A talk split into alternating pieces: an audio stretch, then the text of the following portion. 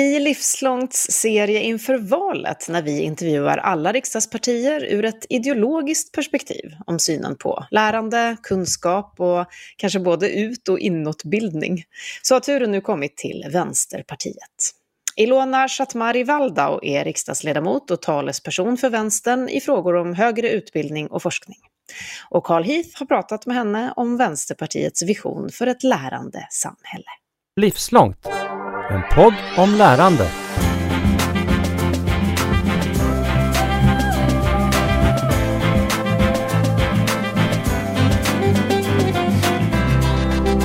Välkommen till podden Livslångt Ilona Sattmari Valdau. Du är riksdagsledamot och talesperson för högre utbildning och forskning ifrån Vänsterpartiet. Stämmer det och tack för att jag får vara med. Eh, vi ska ju ha ett samtal om det livslånga lärandet och utifrån ett politiskt eh, perspektiv och ideologiskt perspektiv. Men jag är också nyfiken på att eh, höra lite grann om dig och ditt eget livslånga lärande och hur du tänker om det, om vi ska börja i den ändan kanske. Så min första fråga till dig det är, när du hör ordet livslångt lärande för din del, vad, vad innebär det för dig? För mig innebär det kanske det som själva ordet säger, att man ska ha möjlighet att lära hela livet. Det behöver ju behöver inte vara genom reguljär skolundervisning. Det kan ju vara det är också genom att man går på seminarier och har möjlighet att fortbilda sig där man är och där man går och står så att säga. Inte att man måste omskola sig eller någonting. Eh, för mig var det väldigt bra när jag tidigare var kommunalråd och, och kommunalråd på deltid så sökte jag lite kurser på universitetet. Tyvärr, Det enda som funkade med mina arbetstider det var på mastersnivå. Så att istället för nybörjarkurs i eh, genus som jag hade tänkt så blev det på mastersnivå. Det var lite, kändes lite speciellt efter att ha varit borta från akademiska studier i 20 år med nya termer och allt vad det innebar. Så det är bra att möjligheten finns men det är inte alltid så lätt att kunna gå in och, och, och studera när man samtidigt jobbar. Att få det att få det gå ihop med tider och sådär. för det blir väl liksom just när det kommer till det livslånga lärandet och på det du beskriver att liksom, det, det gäller till att börja med att ha modet som du beskriver och faktiskt ge sig an en sån, eh, en sån resa in i, in i ett mastersprogram eh, när man, när man arbetar samtidigt. Men också just det du är inne på att när det livslånga lärandet blir livslångt så behöver kanske hur vi har möjlighet att ta till oss detta ser kanske lite annorlunda ut än när man är direkt i gymnasiet och, och läser vidare i en yrkesutbildning eller på universitetet. Mm. Det är en väldigt stor skillnad.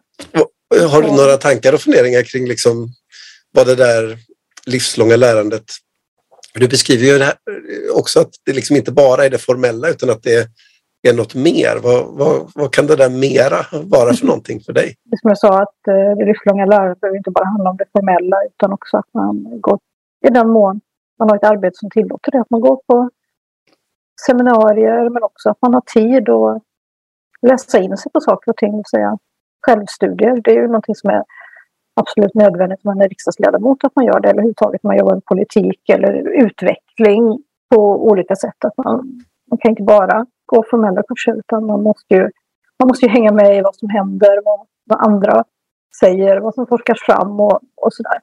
Egentligen skulle man ju önska att alla hade tid och möjlighet att kunna förkovra sig på det sättet. Inte bara att man har den typen av jobb som kräver det.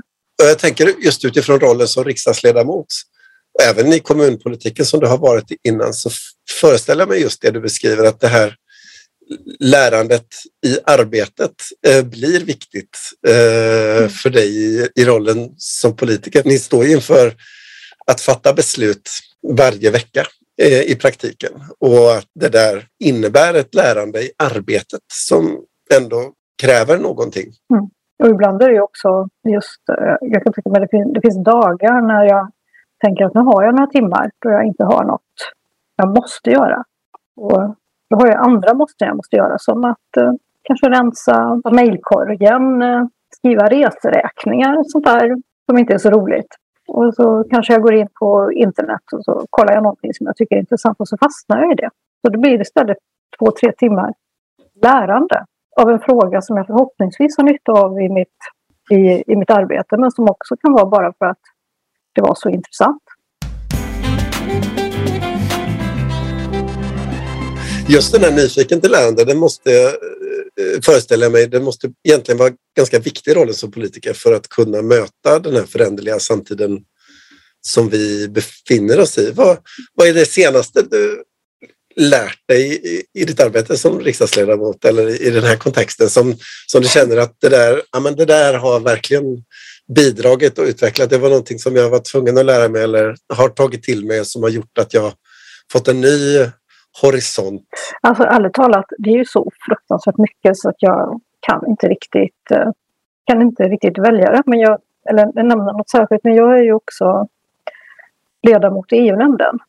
Eh, och där, där behandlas ju frågor som gäller alla politiska områden, går ju via EU-nämnden. Och eh, när jag började med det, jag har aldrig varit särskilt engagerad i EU-frågor, så jag fick liksom ett område som, som jag inte brann för, eller man säger så. Så det har ju krävts otroligt mycket lärande.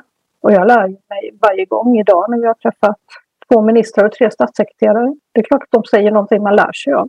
Och, och, det krävs också för att man ska hänga med i vad de säger, att man inför det också. Till exempel söker upp kunskap om frågan de ska diskutera. Det är inte alltid man känner att det underlag man får är så att man får förutsättningarna för att kunna fatta rätt beslut. För att underlaget, eh, det gäller ju alltid för oss politiker att det är underlag vi får. Det är ju alltid anpassat efter den som ger oss underlaget. Vad de vill att vi ska tycka och tänka, så då behöver man ibland gå lite vid sidan om. Men så det här med att liksom bygga kunskapen ifrån flera olika sammanhang, flera olika mm. källor och att liksom se komplexiteten i en fråga, det blir någonting som, som ni liksom, som, ja, det blir nästan en förutsättning för att kunna liksom sätta sig in i och också bilda sin uppfattning om det perspektivet som en viss fråga man behandlar och jobbar med i riksdagen är. Det krävs mycket, mycket jobb egentligen. Annars eh, tänkte jag på, jag vet inte vad det kommer att leda någonstans, men jag var på ett frukostseminarium här om odlat kött. Och eftersom jag jobbar en del med genteknik och med forskning så är det klart att jag har funderat.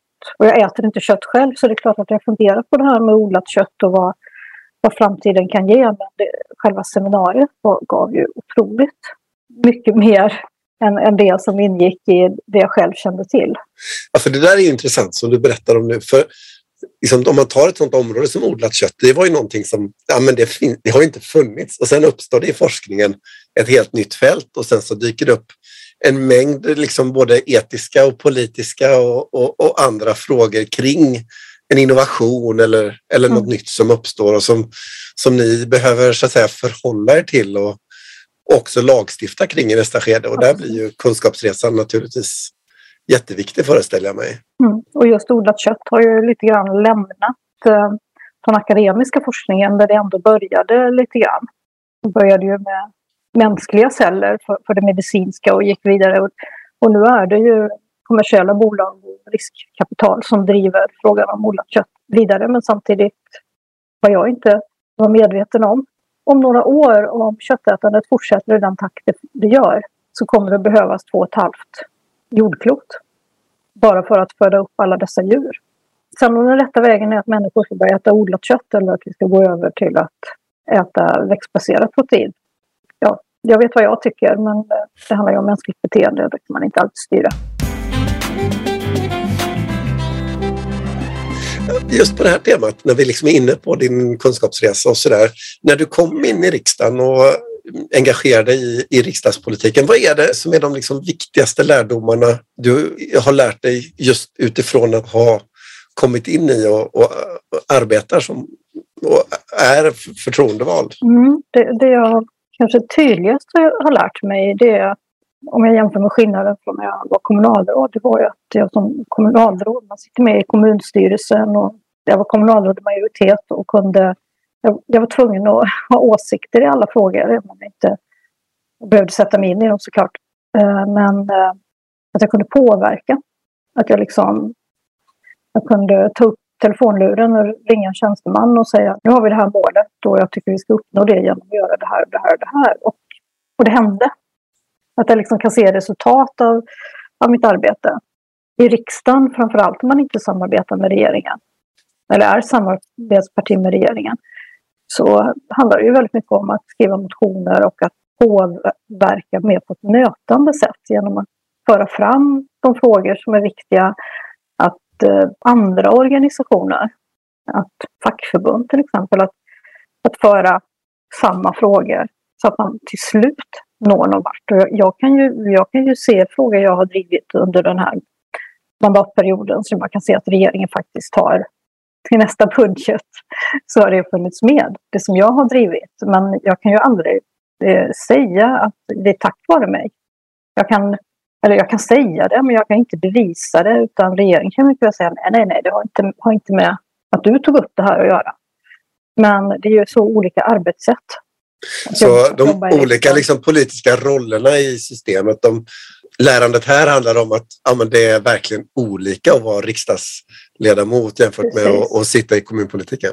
Precis, och, och jag, jag, känner också att när jag satt att, att i kommunpolitiken så var det lättare att vara, ska man säga, att utgå från ideologi i vilka beslut vi ska ta.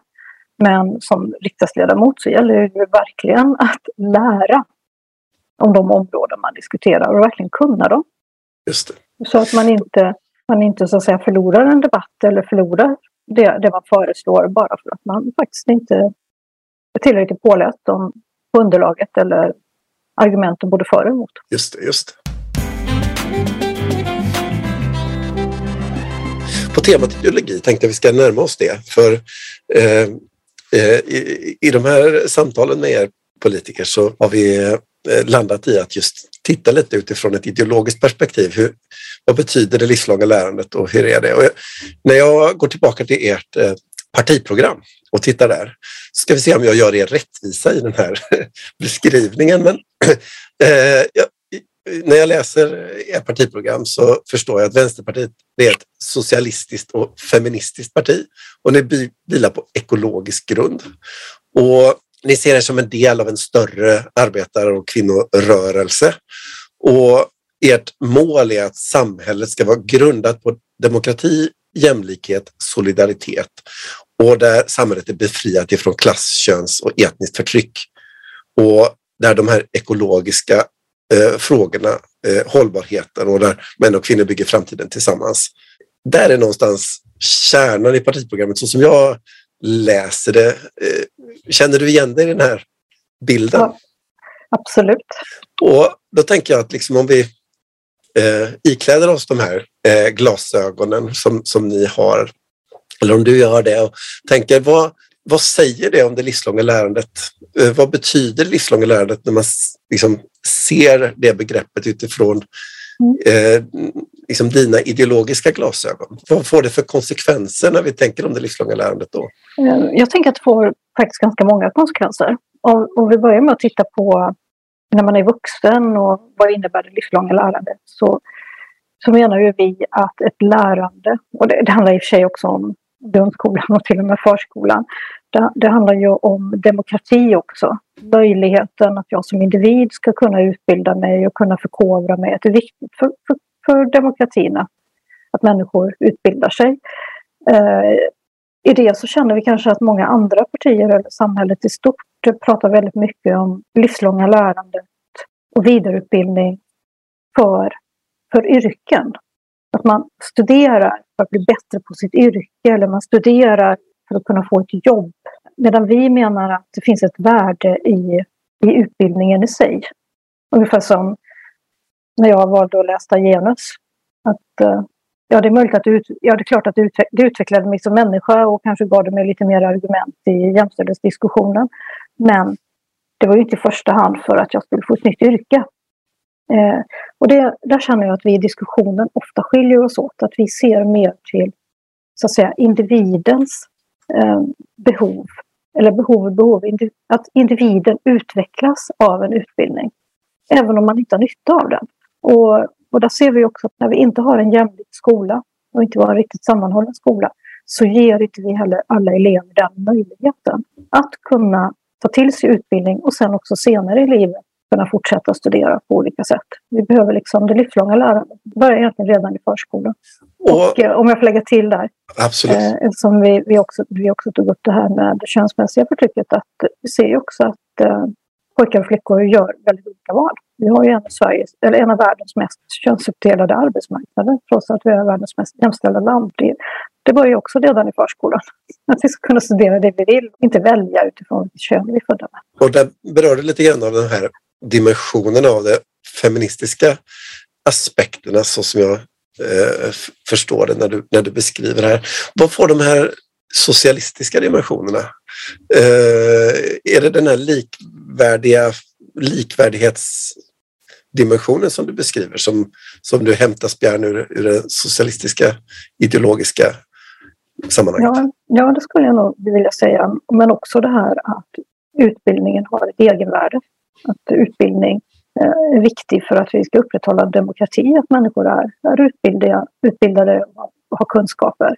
Det tycker jag också är en del av eh, vår socialistiska ideologi. Att allting, att utbildning handlar inte om att försörja en marknad eller en arbetsmarknad, utan utbildning handlar också om, om den personliga utvecklingen. Så det finns den här liksom, eh, aspekten av eh, lärandet för dig som individ, eh, lärandet eh, för att gå i arbete eller arbetsmarknadens behov och sen har vi liksom samhällets behov eller liksom det offentligas behov eller, eller så. De här tre pusselbitarna finns ju i den här kontexten någonstans och, och då tolkar jag det rätt att liksom, du menar på att liksom, vi som är invånare i ett land, vi behöver få likvärdiga förutsättningar för detta och att det då är det offentligas uppgift att möjliggöra det någonstans och att det är det som blir utgångspunkten på något sätt. Ja, så kan, så kan du nog tolka det. Framförallt när det gäller att ge barn och unga de rätta verktygen från förskolan genom grundskolan och på gymnasieskolan så är det ju det offentligas uppgift.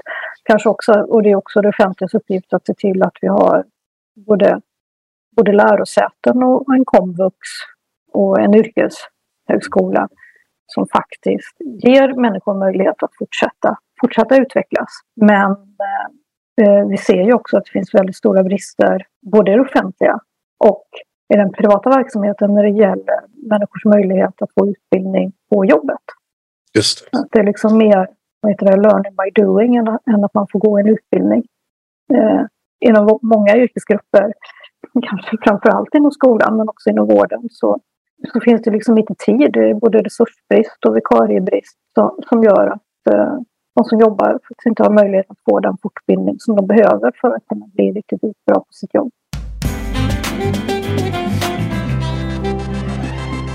Jag tänker att vi ska fortsätta på det här arbetsmarknadsspåret lite grann och, och gräva vidare i det. För eh, som vi har varit inne på i, i samtalet hittills här med kunskapsutvecklingen och förändrade förutsättningar i samhället och sånt där så, så är vi ju verkligen i en föränderlig tid. Vad är det liksom viktigaste sakerna som, som måste till för att säkerställa att eh, vi allihopa kan, kan möta de här nya samhällsutmaningarna som, mm. som vi står inför.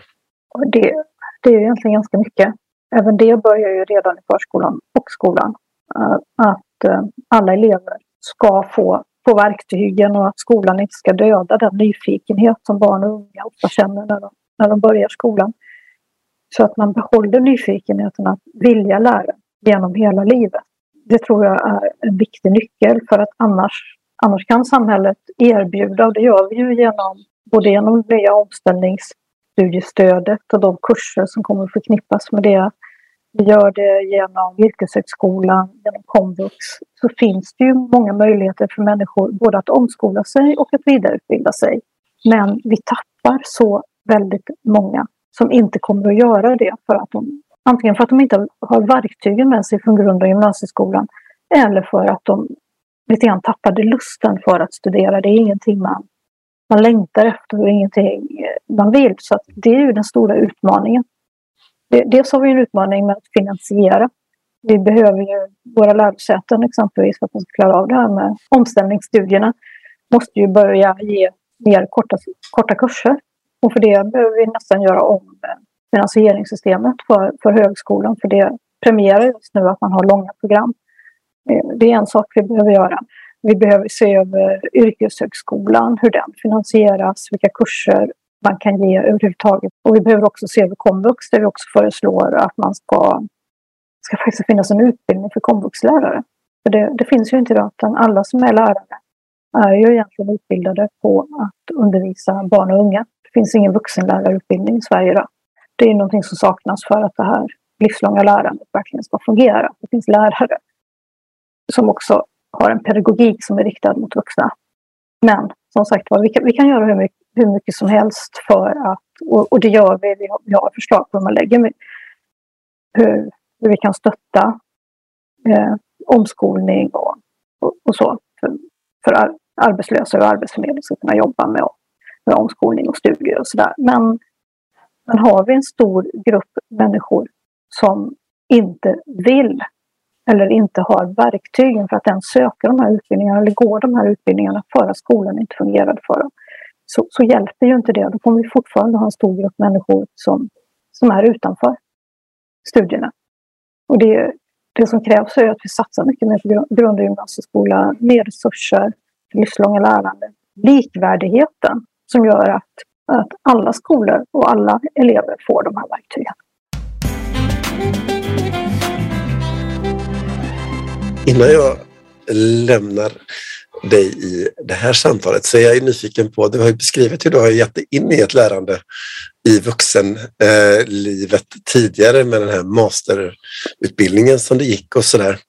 Jag kanske ska lägga till att jag gick ju inte en hel masterutbildning utan jag gick ju en fristående kurs som Just på, masternivå. på masternivå. Just. Två gick jag faktiskt. Och då tänker jag så här, när, du har ju tagit dig an och lära dig eh, i, i vuxenlivet både genom att gå de här formella utbildningarna men också eh, naturligtvis i ditt arbete som riksdagsledamot och säkerligen utanför arbetet också. Vad är det som liksom pockar på i ditt eget lärande nu? Vad är det om du skulle liksom peka på någonting som ja, men det här vill jag lära mig och det kan jag inte men jag skulle vilja ta tag i detta. Vad, vad skulle det vara då? Jag ska berätta om en sån här nästan livslång dröm jag haft. Ända sedan 20-årsåldern så har jag velat lära mig dreja. Det vill säga gå, vilket vi inte pratat om, men det är ju otroligt viktigt, våra folkhögskolor och, och våra kursverksamheter genom studieförbunden. Och... Studieförbunden, just det. Folkhögskolor och studieförbund har vi inte pratat om, som är otroligt viktigt för att nå de människor som kanske normalt känner ett viss, viss tveksamhet för att påbörja en utbildning, att ändå känna på och då har jag alltid tänkt att jag ska gå en drejkurs på ett studieförbund. När jag är i det läget i livet så att jag kan avsätta en samma kväll i veckan. Och det har jag, jag fyller 60 år, jag har fortfarande inte hittat den balansen i livet så att jag, all, eller ett jobb eller vad man ska säga, där jag vet att jag alltid har en kväll i veckan ledig på samma kväll. Men jag har det. Nu är drejning inte lika populärt, det kommer bli svårt att hitta en sån kurs, men eh, kanske en sommarkurs när jag blivit pensionär drejningen, det är det som hägrar helt enkelt. Det är det, det, är det som hägrar när jag inte, när jag inte har huvudet fullt. Det är ju också så, man orkar inte med hur mycket lärande som helst under en och samma period. Så just nu så är det ju det är ju fullt med de seminarier som jag går på, de utbildningar som jag går på och mitt eget lärande genom att läsa forskning och, och dokument och sådär. Det, det tar ju all, all kraft. Vi får hålla tummarna för att den där kursen kommer att eh, rymmas och få ge dig massa nya kunskaper och insikter i, i det kanske domänet. Kan, kanske kan skicka en mugg när jag lyckas göra en. Ja, men precis. Det ser vi jättemycket fram emot. Ilona Satmari Valdau, riksdagsledamot och talesperson för högre utbildning och forskning från Vänsterpartiet. Stort tack för att du har varit med i podden Livslångt. Mm, tack så mycket. Och nu eftersnacket. Jätteroligt att ha dig med. Vad glad jag blir. Det har varit så roligt att ha just de här eh, samtalen kring den ideologiska grunden för hur man tänker om de här frågorna. För det, blir så, det har blivit så tydligt hur eh, partierna ser på de här frågorna på så pass olika sätt som, mm. som man ändå gör. Även om kanske vad man gör i ett visst skede kan vara ganska snarlikt så är argumentationen och syftena för varför man vill göra saker och åstadkomma mm. naturligtvis ganska olika varandra och eh, det blir väldigt tydligt. Det, det, det, jag kände nu när vi är klara, säg så jag tänkte på när jag sa det här om att uh, jag tror att mitt parti trycker mer på lärande på den personliga utvecklingen. Men jag tänkte att uh, det som kan framstå när du sänder det här, det är ju liksom att Vänsterpartiet då inte alls är intresserade av ett lärande en utveckling för arbetsmarknadens behov. Det är otroligt viktigt för oss också. Ja, nej, men det tror jag inte man kommer att... Det, det, det, så lyssnade jag inte på det när jag, när jag hörde det. Jag tolkade det mer som var, liksom, var du hämtade kraften ur ursprunget till argumentationen kring mm. hur ett utbildningsväsende ska se ut och att det var det du gav uttryck för. Och, och om alla barn och unga känner en ja, lust att lära då kommer vi inte heller egentligen ha någon arbetskraftsbrist för då kommer vi ha tillräckligt utbildade. Det, det, det, det, blir en automatisk slutsats men jag sa den inte. Mm, ja men precis. Du har just hört Livslångt, en podd från RISE om allt det där man lär sig i livet. Och i nästa avsnitt av Livslångt då har du Christian Karlsson från Kristdemokraterna.